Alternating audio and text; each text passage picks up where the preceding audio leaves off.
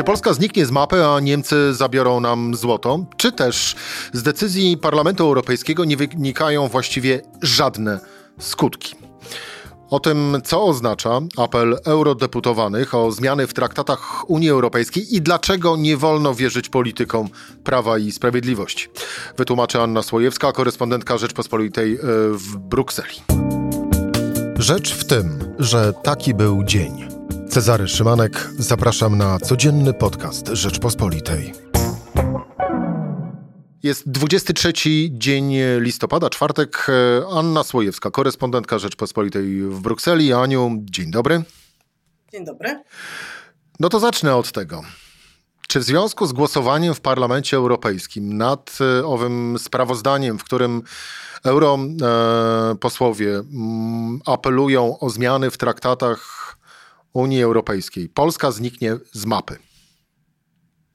Zacząłbym od tego, że w żadnym innym kraju Unii ten, ten raport, to głosowanie nie wzbudziło takich emocji jak w Polsce, co chyba mówi wiele o tym, e, mówi wiele o nas i mówi też wiele o tym raporcie. To znaczy, że on nie jest może aż taki bardzo ważny, skoro inne kraje ani, ani nie boją się, że znikną w jego wyniku z powierzchni Ziemi, ani jakichś innych strasznych skutków tego się, się nie obawiają. To jest. E, raport, który y, no, nie, jest, nie można tak łatwo powiedzieć, że to jest raport, który jest nic nie warty. To znaczy on formalnie jakby nic nie zmienia, bo eurodeputowani nie mają możliwości zmiany traktatów, o tym decydują rządy y, państw członkowskich. To jest po prostu taki apel Parlamentu Europejskiego, żeby rozpocząć debatę w Unii Europejskiej i żeby w tej debacie Unię zreformować i żeby te reformy y, polegały na zmianie traktatów. I w wyniku tych zmian traktatów różne rzeczy miałyby się, miałyby się dziać zacząłem naszą rozmowę od e, cytatu e, z narracji Prawa i Sprawiedliwości,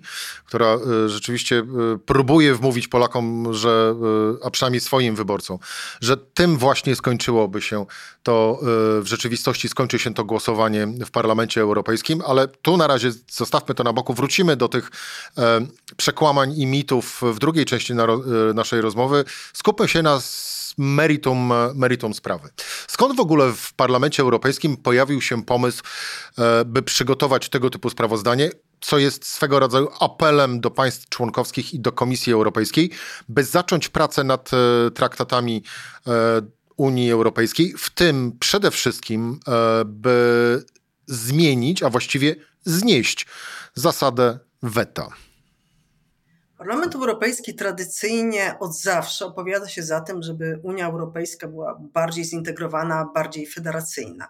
No i teraz natrafił na taki dobry moment, bo jednocześnie Unia Europejska chce się rozszerzyć, chce przyjąć do swojego grona e, wiele państw, bo chce przyjąć Ukrainę i Mołdawię i państwa Bałkanów Zachodnich i po raz pierwszy od wielu lat mówi o tym na poważnie.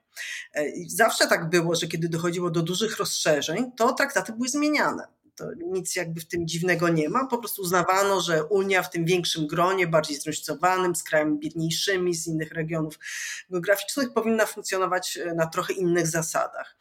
I stąd jest oczywiście e, pomysł, żeby Unię trochę zmienić, żeby trochę inaczej nią zarządzać. No i Parlament Europejski tutaj, że tak powiem, te, te dwie rzeczy się nakładają. Znaczy, z jednej strony odwieczna jego taka zawsze chęć, żeby Unia była jeszcze bardziej federalna i żeby parlament miał więcej do powiedzenia. To do tego sprawy, żeby miał więcej władzy, żeby więcej mógł. No i to, że rzeczywiście jest takie przekonanie, że jak wejdą inne kraje do Unii, w tym w szczególności wielka i biedna Ukraina, to Unia musi już wyglądać troszeczkę inaczej. Wspomniałaś, że to jest e, odwieczna. W sumie właściwie to nieraz o tym e, mówiliśmy w naszych e, rozmowach. Ta odwieczna, w pewnym sensie może nie walka, ale różnica zdań pomiędzy Parlamentem Europejskim a, a Komisją Europejską. Czy to sprawozdanie Parlamentu Europejskiego bardziej należy traktować jako e, subiektywna opinia zgromadzonych w tym budynku eurodeputowanych, ale niekoniecznie to, czego tak naprawdę chcą rządy krajów wspólnoty?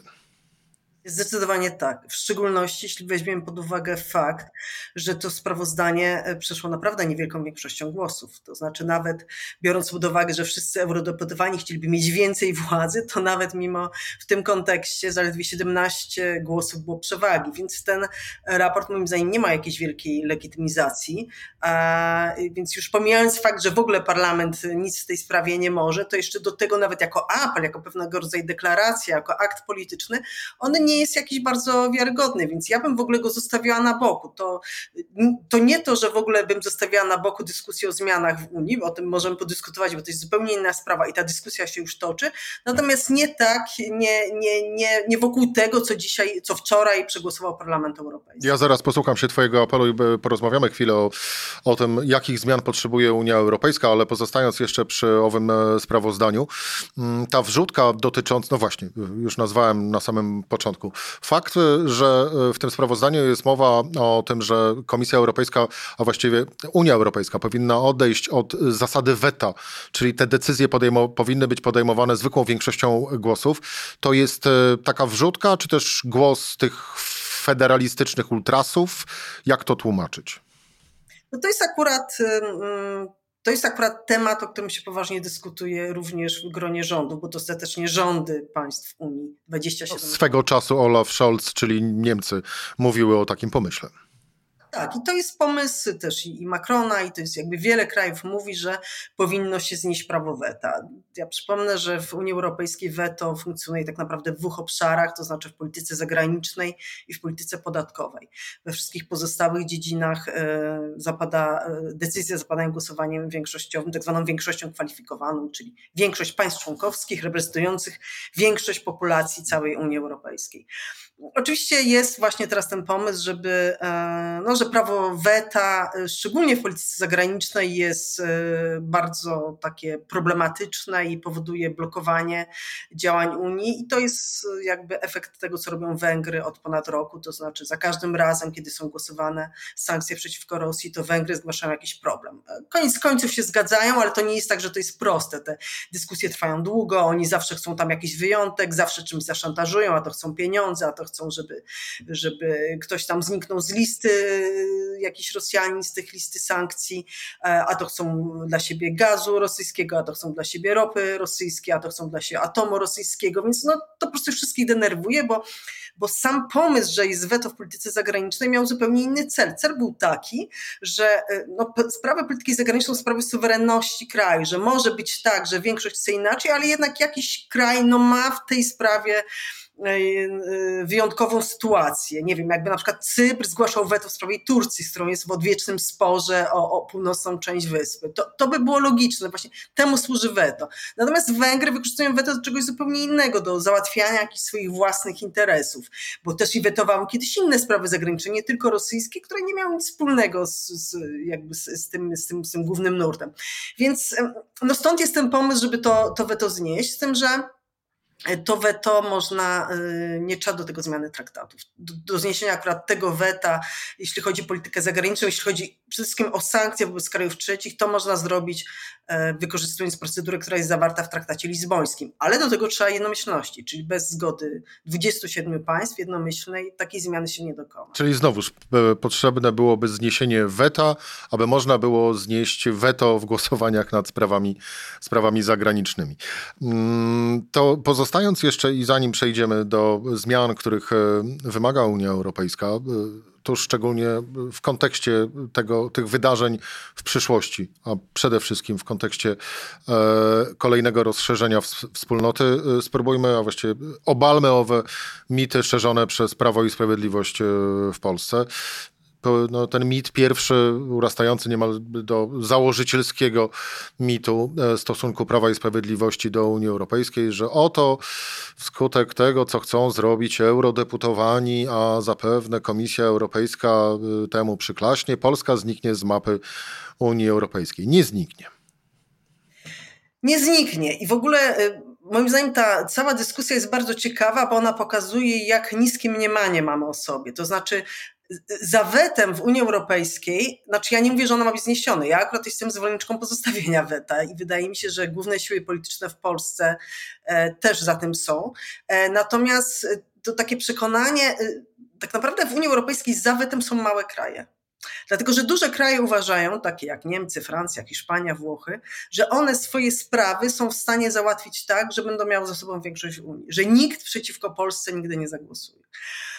Natomiast małe kraje wiedzą, że ich głos może być e, ignorowany i dlatego one chcą. Taka Irlandia na przykład, on nie, nie wyobraża sobie zniesienia weta, nie tylko dlatego, że e, na przykład w sprawie Izraela ma zupełnie inne zdanie niż wiele państw Unii, bo jest bardzo propalestyńska, ale też dlatego, że się boi, że zaraz zaczną się mm, e, manewry wokół zniesienia weta w polityce podatkowej. Na no, Irlandia jest no, de facto rajem podatkowym, znaczy wiele koncernów międzynarodowych, głównie tych koncernów cyfrowych, amerykańskich, ma tam siedzibę, bo płaci tam niskie podatki. Więc, czy takie kraje jak Luksemburg, no nigdy sobie nie pozwolą na zniesienie weta w podatkach. Więc to tak naprawdę jest taka broń dla małych krajów. I dziwię się, jakby to tylko świadczy o, o PiSie, o tym jak PiS nisko ocenia Polskę, że boi się, że Polska, kraj y, piąty co, piąty, co ja mówię, no piąty co do wielkości, od, od czasu jak wyszła Wielka Brytania, piąty co do wielkości w Unii Europejskiej, że taki kraj musi mieć jakieś specjalne, formalne zabezpieczenia, bo, bo tak naprawdę taki kraj jak Polska to powinien współrządzić w Unii bez żadnych dodatkowych e, gwarancji, weta i tak dalej. No. Natomiast ale biorąc Aniu pod uwagę, że Prawo i Sprawiedliwość do tej pory przez ostatnich 8 lat postrzegało Polskę jako partię, a partię jako Polskę i biorąc pod uwagę to, jak e, traciło na arenie Unii Europejskiej e, sojuszników, partnerów i przyjaciół, no to w sumie ta logika e, rozumowania i traktowania naszego kraju właśnie w ten sposób, że skoro nikt nie chce z nami rozmawiać, to my potrzebujemy mieć taki, taki bezpiecznik, no w tym kontekście może to mieć jakiś, jakiś, podkreślam to słowo, sens. Tak, zdecydowanie. To znaczy, to właśnie pokazuje, jaką wizję polityki zagranicznej, czy jaką wizję, nawet nie polityki zagranicznej, bo Unia to nie zagranica, jakiej, jaką wizję funkcjonowania Polski w Unii ma PiS. To znaczy, PiS ma wizję weta. I tym sposobem próbował funkcjonować w Unii kompletnie bezskutecznie. Drugi e, aspekt tej narracji, a właściwie drugi wątek tej narracji Prawa i Sprawiedliwości w kontekście e, planów eurodeputowanych i w ogóle Unii Europejskiej, e, to ten aspekt brzmi następująco, cytuję, proszę się nie śmiać, Niemcy zabiorą nam złoto. Nie zabiorą. A dlaczego złoto? Tego też właśnie nie wiemy, wiesz, bo to tak, tak to funkcjonuje razem, że Polska zniknie, Niemcy zabiorą nam złoto z Narodowego Banku Polskiego, no bo pewnie właśnie EBC wtedy wejdzie już e, w pełni nad, nad Wisłę, nie będzie NBP-u, no i wskutek tego Niemcy zabiorą nam to złoto, no bo po co mam mieć złoto w Warszawie? Cały czas przedstawiam rozumowanie Prawa i Sprawiedliwości i Solidarnej łamane na suwerenną Polskę Zbigniewa Ziobry. No tak, no to znów jest jakby odbicie pewnej takiej obsesji mm, PiSu, że Niemcy chcą nas zniszczyć. To znaczy, no no nie wiem, jak mam to komentować. Może na tym poprzestańmy. Niemiec jesteśmy głównym jakby takim no, koooperantem w gospodarce unijnej. No bez Niemiec, bez jakby takich konstruktywnych, sensownych władz w Polsce, które, które działają w jakimś duchu unijnym, no to w ogóle Niemcy sobie nie wyobrażają, żeby Unia funkcjonowała. Więc nie wiem, dlaczego akurat Niemcom miałoby zależeć na tym, żeby Polskę tutaj z powierzchni ziemi wymazywać i złoto nam zabierać. Tego niestety y, nikt y, nie rozumie, a przynajmniej nikt, kto y, na poważnie i w normalny sposób czyta i rozumie to, jak wygląda polityka międzynarodowa i po prostu jak wygląda Unia Europejska. Właśnie, ale Aniu, a propos Unia Europejska.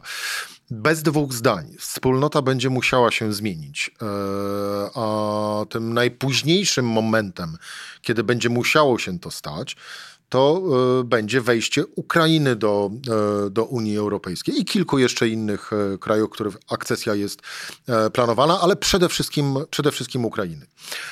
No i teraz, czy na dziś możemy w pewien sposób przewidywać, gdybać, w którą stronę mogą pójść zmiany w Unii Europejskiej, które będą z kolei towarzyszyć akcesji tych krajów? No tak, sprawa nie jest błaha. Y, jakby zostawiając na boku y, sprawozdanie Parlamentu Europejskiego, zostawiając na boku obsesję PiSu, sprawa nie jest błaha, bo rzeczywiście dyskusja na temat, jak Unia ma się zmienić, się rozpoczyna i te decyzje będą musiały w najbliższych latach zapaść.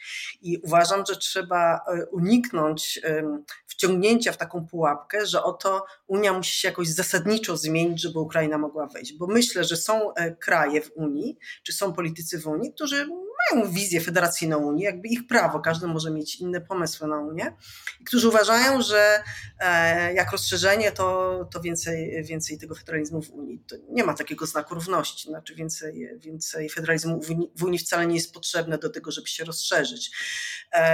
To, co naprawdę musi się, no nie uważam, żeby zniesienie prawa weta było warunkiem rozszerzenia Unii, w ogóle nie widzę związku, skoro można z prawem weta funkcjonować 27, to można i nie wiem, w 35.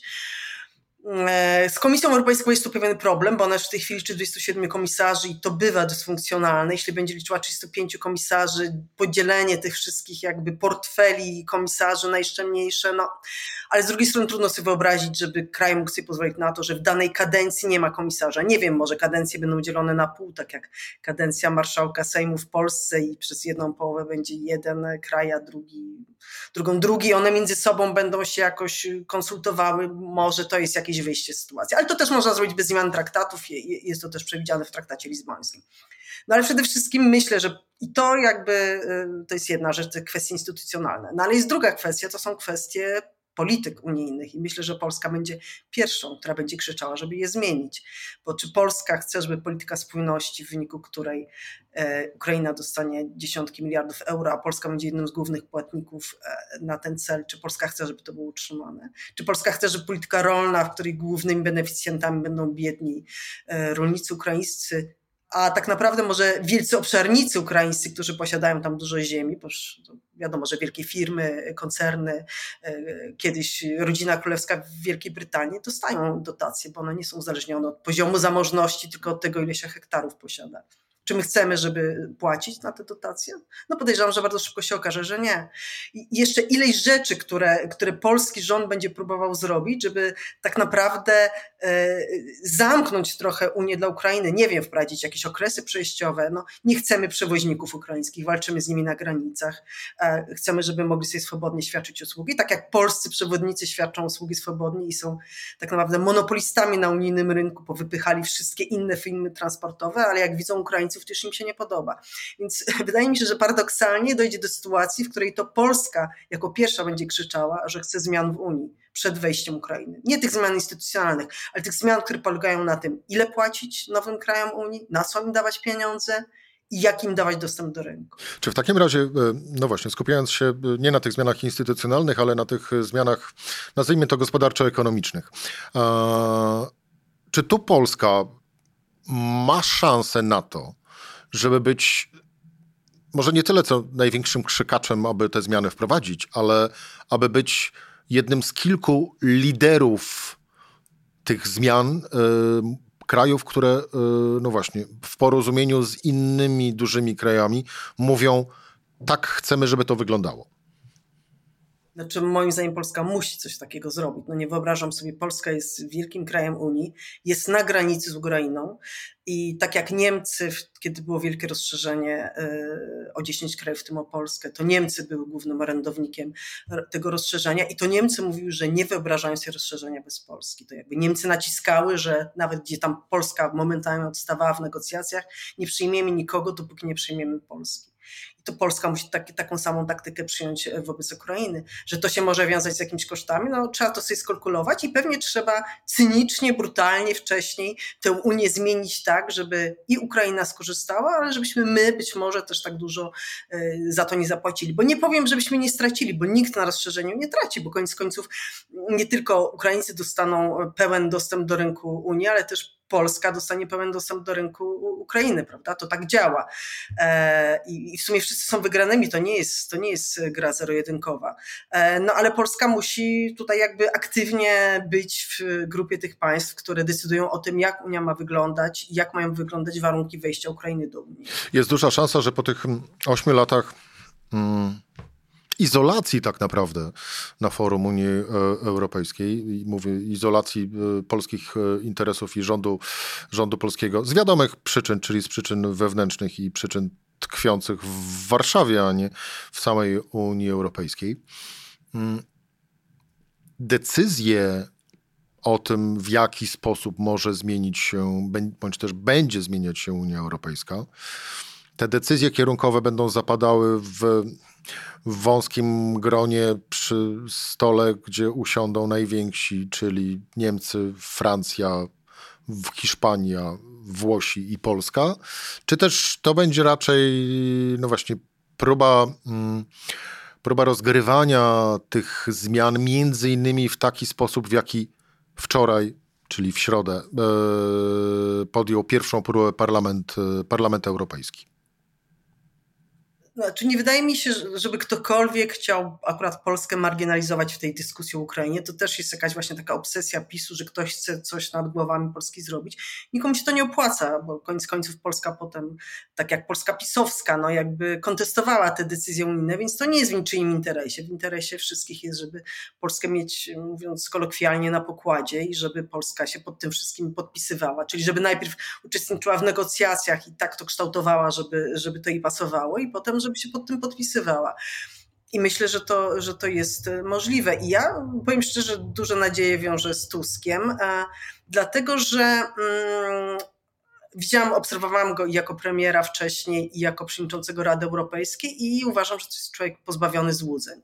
I to jest taki polityk, który nie, no nie jest taki e, proeuropejski w taki tani sposób. To znaczy, to jest człowiek, który napatrzył się przez te lata i, i premierowania, i potem przewodniczący Radzie Europejskiej, jak różne kraje realizują swoje interesy, trochę oczywiście do, do, dolewając do tego takiego, takiego górnolotnego europejskiego sosu, ale można być jakby wygranym. To znaczy, można zrobić coś, co jest korzystne, pójść na jakiś kompromis, zrobić coś, co jest korzystne dla Unii, na czym my też skorzystamy, ale nie, nie, no wie, jak, jakby się tutaj poruszyć ruszać i wie, wie jak być twardym negocjatorem. I wydaje mi się, że taki kraj jak Polska, no to musi, musi w ten sposób się zachowywać. To znaczy, z jednej strony musi brać odpowiedzialność za innych, nie może być tak, że patrzy tylko na własny interes, musi być na przykład adwokatem interesów Ukrainy, no ale jednocześnie musi też y, wiedzieć, jak to zrobić, żeby na tym y, nie stracić.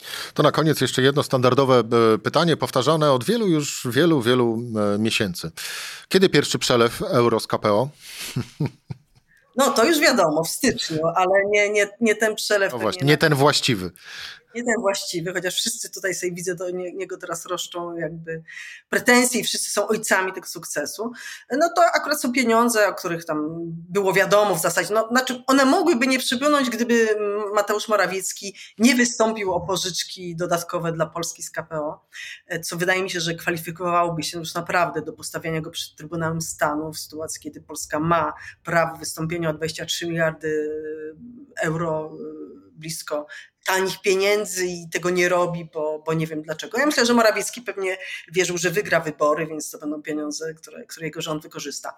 Natomiast te, no, te główne pieniądze, o których rzeczywiście tutaj od miesięcy już rozmawiamy, no to mi się wydaje, że to trzeba poczekać naprawdę, jak Tusk zostanie premierem. Jestem przekonana, że on ma jakiś pomysł. On był w Brukseli, rozmawiał z von der Leyen, przewodniczącą Komisji Europejskiej.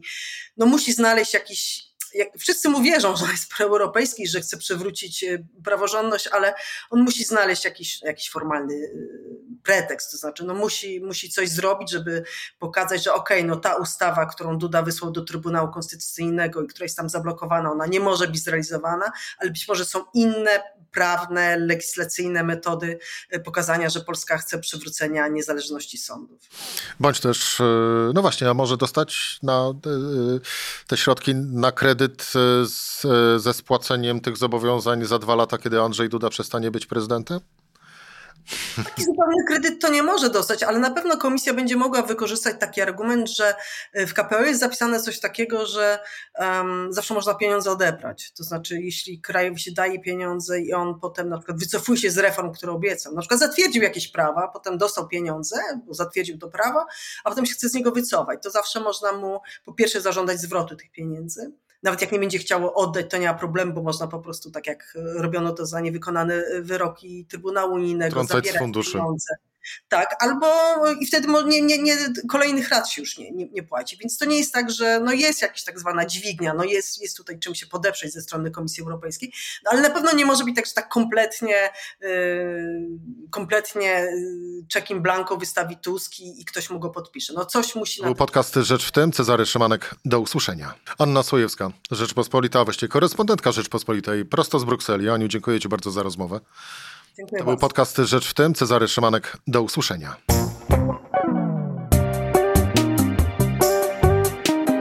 Rzecz w tym to codzienny program Rzeczpospolitej. Od poniedziałku do czwartku o godzinie 17. Słuchaj na stronie podcasty.rp.pl. Włącz Rzecz w tym w serwisie streamingowym.